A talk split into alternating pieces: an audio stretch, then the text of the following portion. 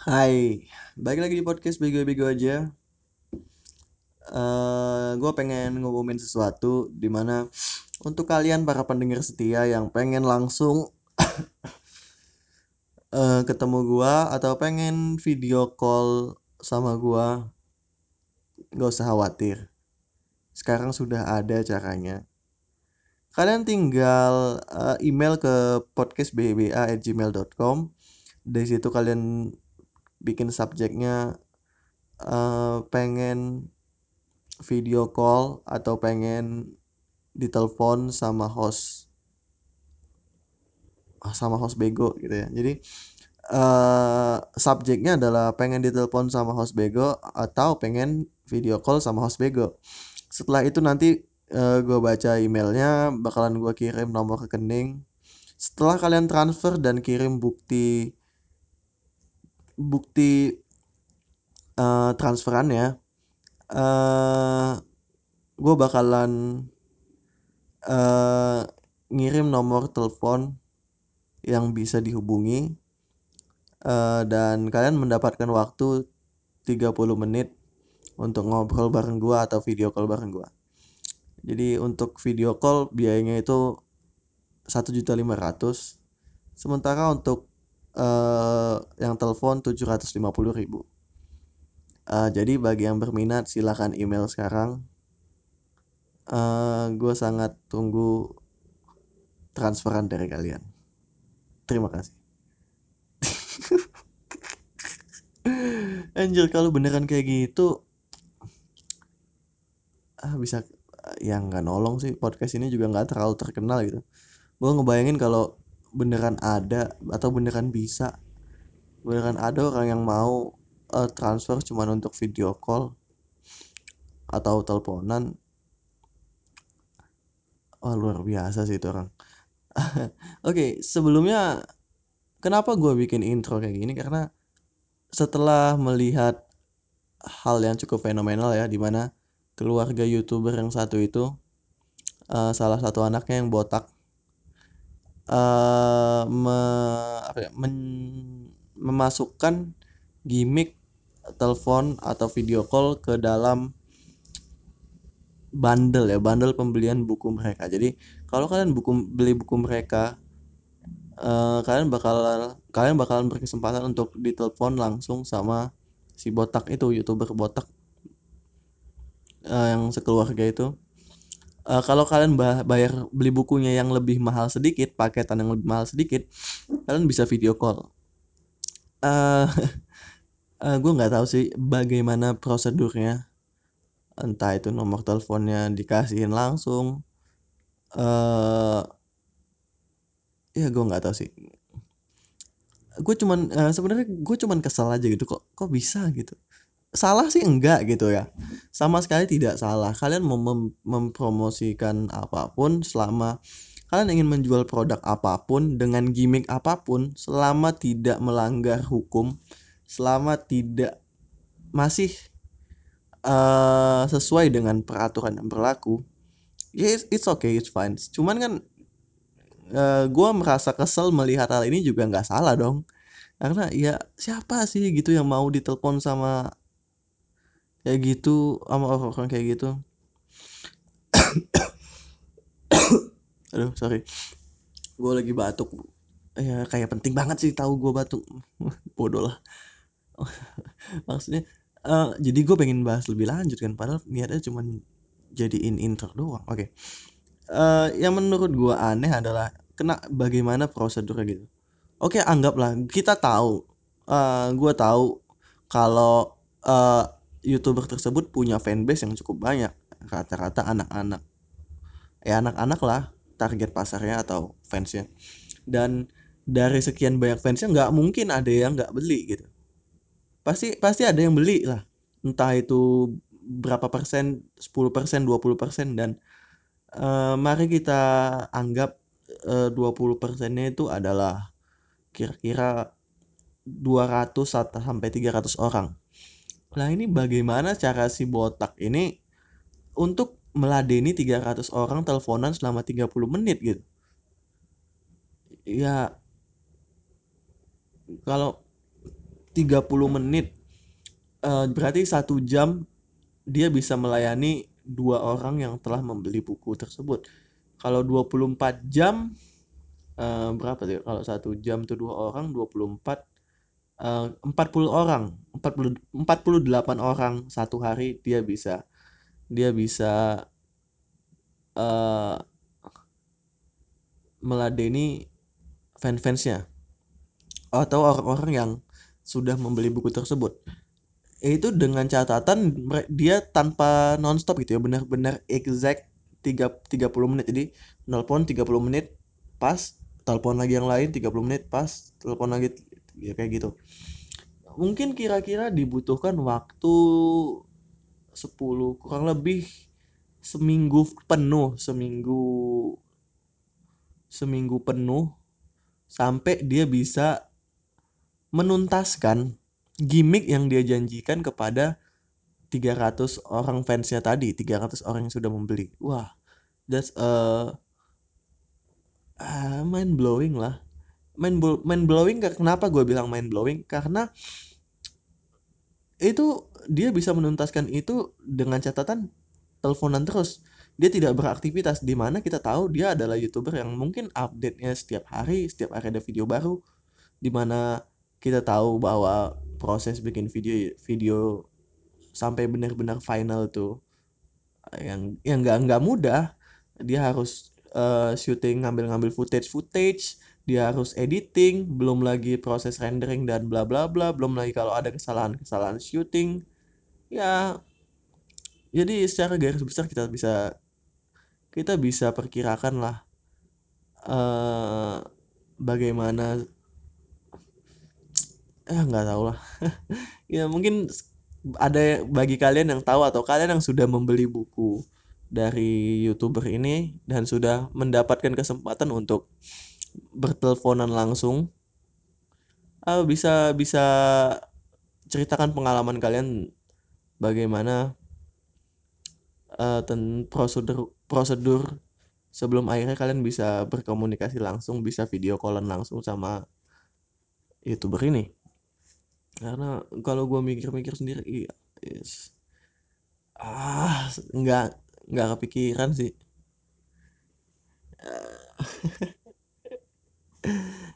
lagi gue penasaran bagaimana sih kenapa sih orang bisa ngefans sama itu gitu? Ya masalahnya gini loh.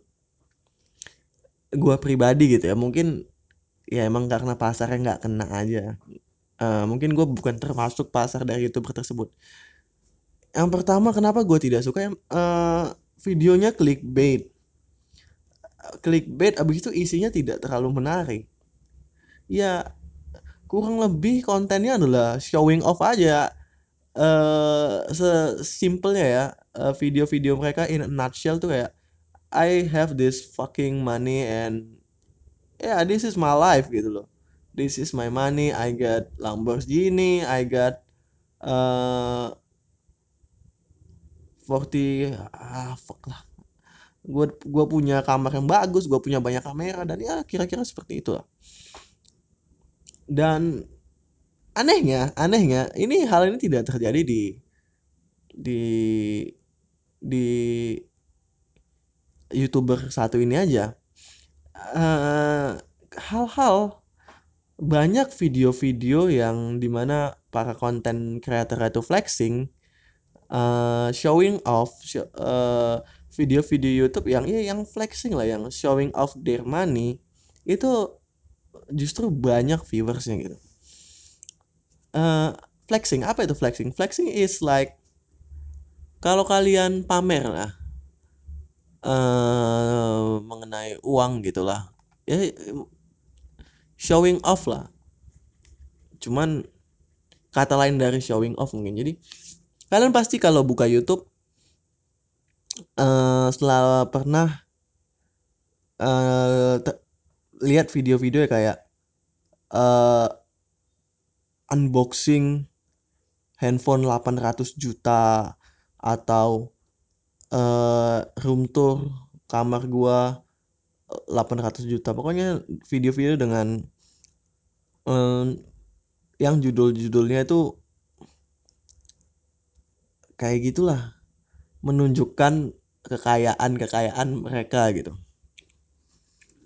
uh, gua bisa beli mobil dari Mobile Legend gua bisa uh, beli rumah satu miliar dari YouTube uh, sepatu sepatu Yeezy 45 juta yang hal-hal semacam itu video-video seperti itu yang menunjukkan kekayaan atau yang showing off tentang harta mereka itu biasanya lebih menarik, lebih banyak viewsnya, lebih gampang menjaring views. Kenapa? Ya, gue pribadi ya, gue uh, bukan berarti gue benar-benar anti, karena gue pribadi juga kadang tertarik untuk melihat video-video dengan judul-judul semacam ini. Jadi gue bukan yang mau menjelek-jelekan, tapi kayak kenapa? Kok apa magisnya gitu? Bahkan gue juga menjadi salah satu korbannya Mungkin ya, mungkin. Gue punya beberapa teori. Yang pertama, orang-orang itu pengen jadi orang kaya. Mereka tidak bisa membeli sepatu eh, uh, 75 juta, mereka tidak bisa beli Lamborghini, mereka tidak bisa uh, unboxing handphone yang harganya 6 miliar mungkin, mereka tidak bisa punya rumah yang satu miliar. Makanya mereka menonton video-video seperti ini untuk setidaknya tahu bagaimana sih isi rumah satu miliar bagaimana sih mobil Lamborghini itu dan bla bla bla gue pribadi juga melakukan hal itu karena gue tidak bisa beli HP baru. Makanya gue suka uh, nonton review-review handphone gitu. Bukan berarti gue mau beli bukan berarti gue uh, sangat-sangat up to date tentang teknologi tentang gadget. Gue cuma pengen uh, ternyata HP-nya kayak gini gitu ya. Ya gue cuma memuaskan hasrat yang gue nggak tahu apa sebutannya.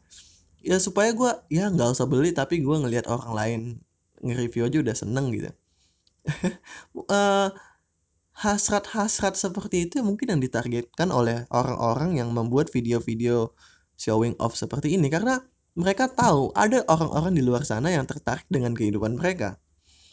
Uh, ya seperti kita tahu bahwa uh, manusia itu ya selalu kepo dengan apa yang orang lakukan uh, khususnya di Indonesia. Orang-orang Indonesia tuh selalu ingin tahu bagaimana sih kehidupan orang lain? Apa sih yang sedang dikerjakan orang lain? Itu hal itu dibuktikan dengan lakunya acara-acara infotainment. Adanya lakunya akun-akun seperti Lambe Tura di mana akun-akun gosip tentang artis, akun-akun tentang kehidupan-kehidupan orang yang mungkin lebih sukses itu selalu menjadi uh, selalu punya nilai jual yang yang yang unik gitu. Karena pasarnya itu selalu ada. Seperti apa ya? Ya si video-video si botak tadi kalau kalian tonton kan uh, kayak punya ya gitulah pamer-pamer kekayaan lah ya gue nggak tahu sih mungkin ya mungkin karena mereka tinggal di Jakarta gitu ya uh, orang di Jakarta tuh kan taraf hidupnya mungkin lebih tinggi dari daerah daerah yang lain gitu ya. Ya kenapa gue bisa bilang kayak kayak gitu? Karena di ja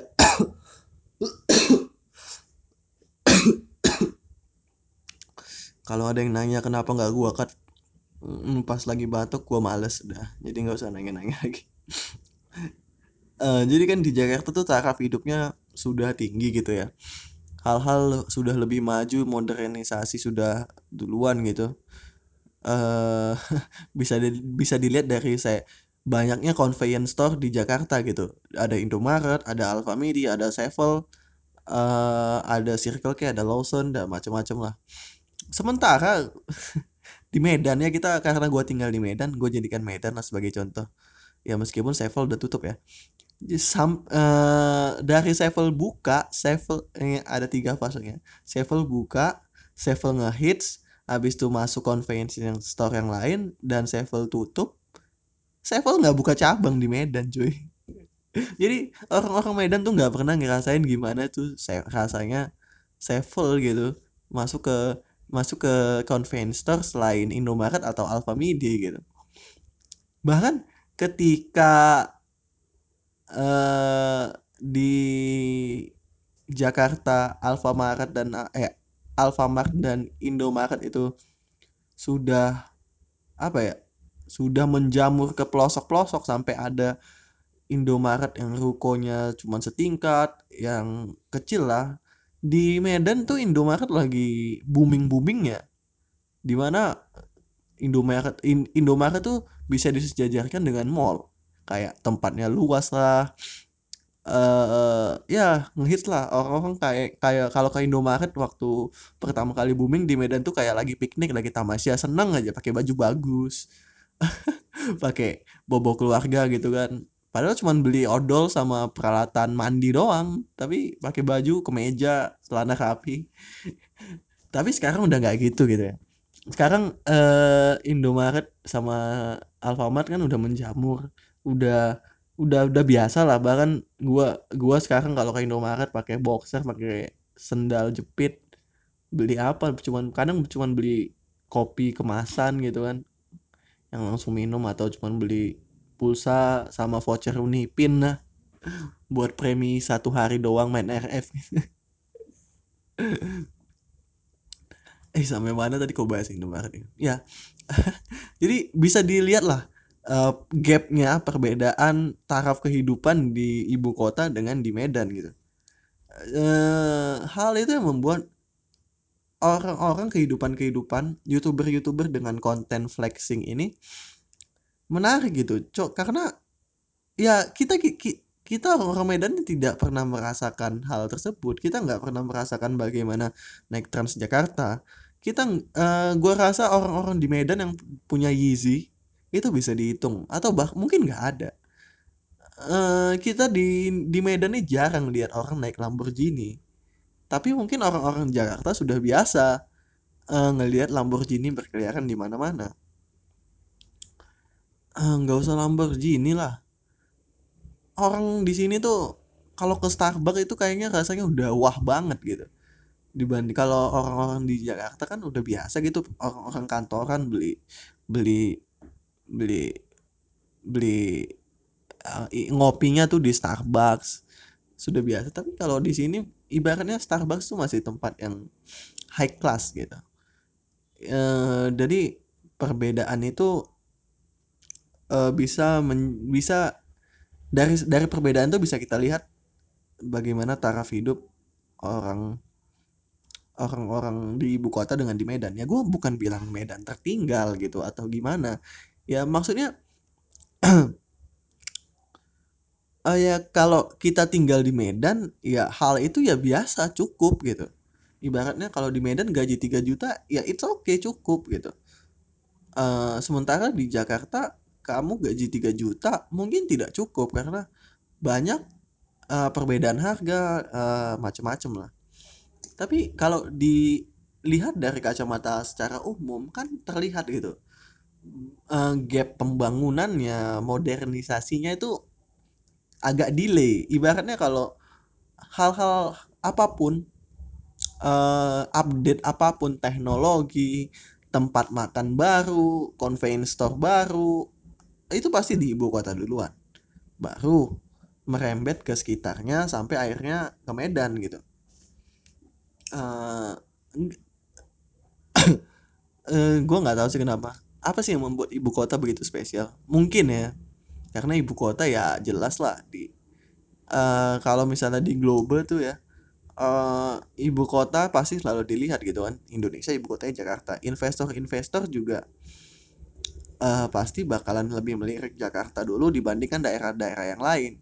Kenapa? Karena eh, Indonesia itu adalah negara kepulauan gitu ya.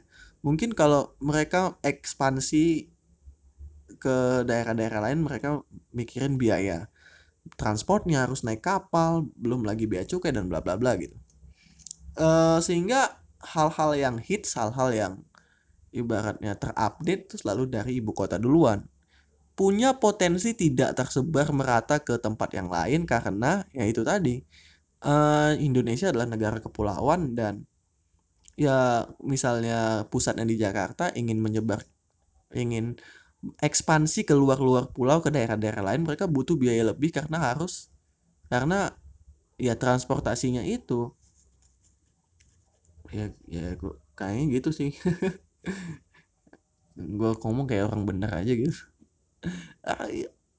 U- udah sangat-sangat lari gitu dari pembahasan pembahasan flexing tadi. Ya kurang lebih kayak gitulah. Jadi ya kalau dari kacamata umum memang memang uh, perbedaannya itu sangat terlihat gitu ya. Cuman kalau bagi pribadi-pribadi gue juga pernah tinggal di Jakarta gitu. Uh, ya gue lahirnya di sana habis itu pindah ke Medan dan menetap di sini gitu sampai sekarang. Sehingga uh, kenapa gue bisa bilang seperti itu? Karena terakhir uh, gini loh semenjak gue pindah ke Medan dan gue balik lagi ke Jakarta tuh sekali itu 10 tahun gapnya gitu dari waktu gue tinggal di Jakarta. Gue tinggal di Jakarta berangkat ke Medan uh, menjalani kehidupan di sini sampai 10 tahun. Habis itu gue balik lagi ke Jakarta. Uh, itu pun juga bukan balik lagi sih maksudnya ke Jakarta lagi. Uh, kebetulan waktu itu ada event game uh, gue menang. Jadi kan eventnya kayak turnamen regional kebetulan gue menang di regional Medan balik lagi ke Jakarta di mana uh, Jakarta itu di situ Sevel dengan dengan apa ya dengan convenience yang lain kayak Circle K, Lawson tuh sudah menjamur. Sementara ketika gue ketika itu di Medan, Indomaret tuh masih baru satu dua aja gitu, belum banyak. Itu kira-kira gue kuliah semester satu lah itu. Uh, gue kuliah semester satu.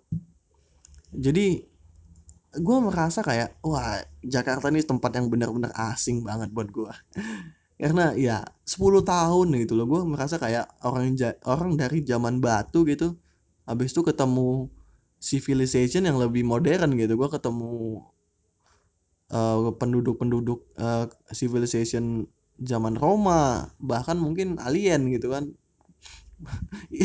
Ibaratnya orang zaman batu nyasar ke Wakanda lah. Uh, dia masih bingung banget gitu kan. Ini kok ternyata di dunia itu ada kayak gini gitu. Uh, sampai-sampai gue tuh mau masuk circle K aja takut gitu. Ini kayak tempat yang aneh banget asing banget buat gue waktu pertama kali. Jadi di tempat eventnya itu event event game tersebut kan uh, di warnet di sekitaran Binus di Binus kalau nggak salah. Jadi di di seberangnya itu ada circle K kan gue masuk gitu kan. Gue baru tahu kalau ada minuman itu harus ambil sendiri ada bisa wah. Uh, di mindset mindset gue waktu itu adalah ya Indomaret ya tempat kita belanja uh, jajan aja jajan keperluan pribadi keperluan mandi sebatas itu. Bukan tempat untuk kayak nongkrong uh, kayak ya bisa ngopi-ngopi dulu bisa ya kayak gitu-gitu. Bukan bukan bukan convenience store yang gue tahu gitu. Gue merasa goblok sih kalau ingat waktu itu. Bahkan ada temen gue mau beli kopi gitu kan. Mencet mesinnya tuh nggak tahu gimana. Gue pura-pura gila gue tinggal kabur pura-pura nggak kenal gitu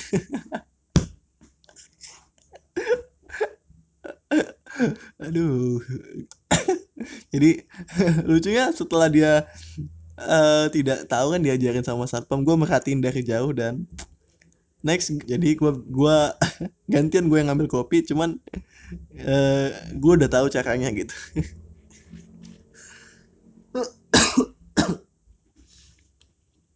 Ya intinya itulah. Apalah intinya ini? Sangat-sangat random. Obrolan kali ini ya. Ah gue nggak tahu sampai mana. Gue untuk nge-recapnya aja. Bingungnya kalian recap sendiri lah lagian uh, ini adalah episode untuk menutup bulan Maret ya tanggal 31 ah bahas apa lagi ya? Masih ada sisa 6 menit. Ah sa aduh gua gua gua beneran blank gitu. Gua bukannya mau bukannya nggak mau menyimpulkan obrolan soal flexing tadi cuman gue lupa gitu jadi ngomong sampai mana gara-gara keasikan keasikan cerita tentang Indomaret dan kawan-kawannya gitu. Oh ya oh, uh, oh ya ini bukan dalam arti gue mau menyimpulkan ya gue mau ngasih informasi. Kalau kalian ingin nyari kalian datang ke Medan. Kalian ingin nyari convenience store yang seperti Sevel di sini ada namanya Kong Kali Kong gitu. jadi kalian cari uh, logonya itu K3 jadi uh, konsep convenience store ini seperti Sevel Circle K dan Lawson gitu. Jadi uh, ya memang logonya juga mirip-mirip Sevel sih warnanya juga mirip-mirip Sevel. Cuman di sini namanya Kong Kali Kong K3 dan uh, convenience store semacam ini tidak banyak gitu cuman di beberapa tempat. Gue ingat satu di dekat kampus di simpang Dokter Mansur kalau nggak salah ya dekat Seven dekat dulunya tuh Sevenet ya kalau kalian yang sekitaran Dokter Mansur tinggalnya sekitaran USU USU lagi. USU Universitas Sumatera Utara. Kalian pasti tahu lah. Ya ada nggak sih yang dengar dari Medan nih? Nggak tahu deh. Soalnya kan ada podcaster podcaster dari Medan ya. Kalau denger lah kalian tahu lah pasti. Habis itu satu lagi di Multatuli kalau nggak salah. Uh, di komplek seberangnya Inul Vista kalau kalian tahu uh, cafe 36 ya? Eh iya the, the 36 kalau nggak salah. Ya di seberangnya itu. Ya kalian kalau kalian pengen ngicipin convenience store rasa Sevel atau mungkin kalian orang-orang Jakarta yang kangen sama Sevel karena Sevel udah tutup kalian bisa datang ke sini dan cari K3 atau Kong Kali Kong oh iya bahkan kalau ngomongin gap-gap itu orang Jakarta sudah merasakan subway udah ada belum sih di Jakarta? Nggak tahu ya ada nggak sih? Tak tak gue googling. Uh, sub subway Jakarta. Mm, mm. ada nggak sih oh Quiznos uh, ada nggak ya? Quiznos sub gitu loh. Oh.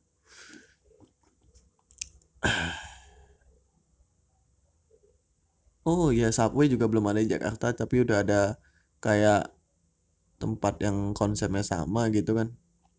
Ya di Medan juga belum ada gitu. uh, di Jakarta lagi ngehits roti-roti hitam gitu salted salted eggs. Di sini ya nggak nggak terlalu ngehits sih salted eggs. Atau gue nggak tahu. Oh gini ya gue kasih uh, karena gue juga kondisi finansialnya tidak terlalu bagus gitu ya. Ya miskin lah miskin ya. Ya iya gue miskin gitu uh, ya jadi gue nggak tahu tempat-tempat hits atau mungkin ada tren-tren yang sebenarnya sudah ada di Medan dan di Jakarta sudah ada di Jakarta dan masuk juga ke Medan gitu. Gue nggak gue nggak tahu gitu. Jadi uh, ruang lingkup gue untuk hal-hal hits semacam itu uh, tidak cukup mumpuni gitu. Apalagi ya yang ada mango mango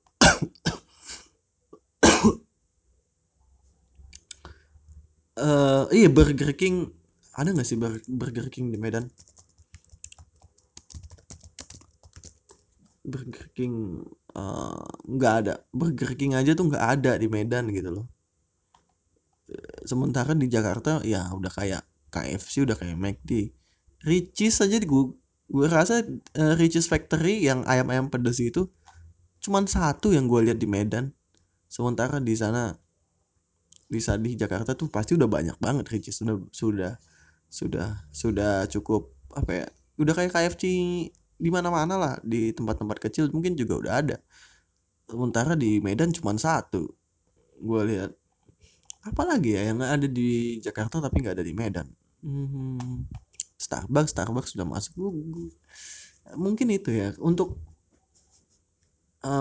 orang-orang uh, mungkin belum belum gue nggak tahu sih kalau kalian tahu kalian yang kuliah di ekonomi kalian yang mengerti tentang hal-hal perekonomian tentang investasi investor-investor asing ini tentang franchise-franchise asing ini kenapa sih uh, mereka buka di Jakarta sementara di Medan tuh nggak ada. Kenapa? Apa yang menghambat mereka untuk ekspansi ke daerah-daerah lain di Indonesia, terutama di luar pulau gitu, di luar pulau Jawa. Uh, uh, uh, kasih tahu gue sih kalau apa? Uh, bagaimana cara ngasih taunya?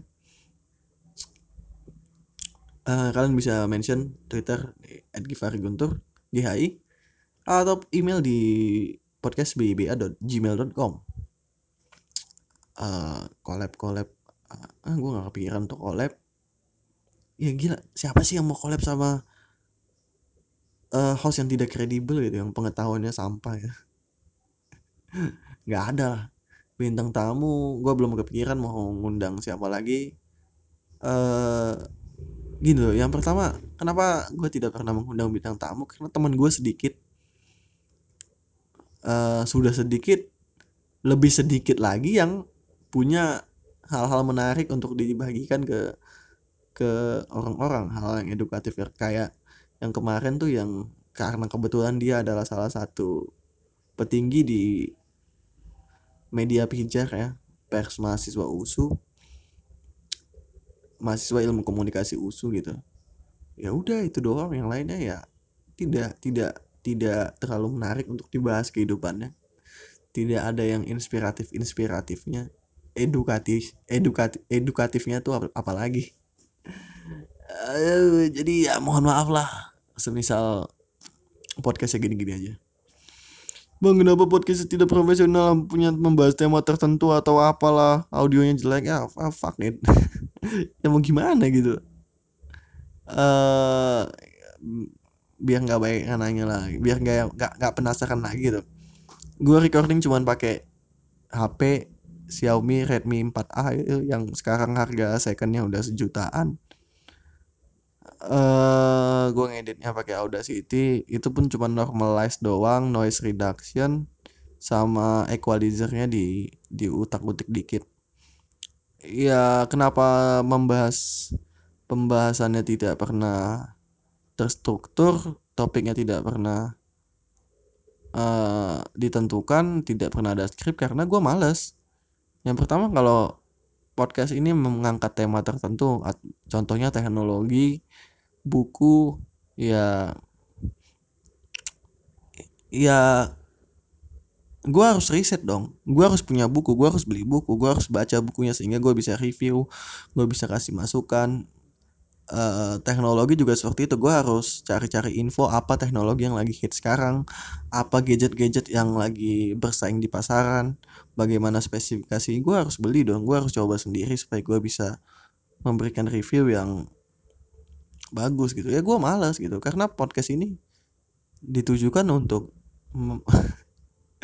bukan untuk menyenangkan siapa-siapa. Yaitu menyenangkan diri gue pribadi. Meskipun validasi-validasi dari stranger dari orang-orang asing itu juga cukup membuat gue senang. Makanya gue tidak pernah memaksakan orang-orang untuk ya ayo denger sampai habis. Nggak usah lah. Jangan bebani diri kalian. Uh, klik aja tombol play. Kalau udah nambah listener kalian cabut. Ya it's okay gitu uh, ya seraceh itu sih gue jadi well sampai di sini aja untuk episode kali ini makasih buat yang udah dengerin semoga kalian mendapatkan perspektif lain dalam memandang sesuatu. Semoga self esteem kalian meningkat karena kalian mengetahui bahwa di luar sana ada orang yang lebih bego dari kalian. Jadi jangan berkecil hati lah. Masih ada gua. Orang yang berada di tingkat paling bawah rantai makanan. Kalau kalian merasa bego, kalian dengar dulu podcast ini, maka kalian akan merasa sedikit lebih pintar. Bukan karena ilmunya bertambah, tapi kalian menyadari bahwa ada orang yang lebih bego dari kalian. ya udah itu aja sampai ketemu di episode selanjutnya seperti biasa kalau bego ya bego aja bye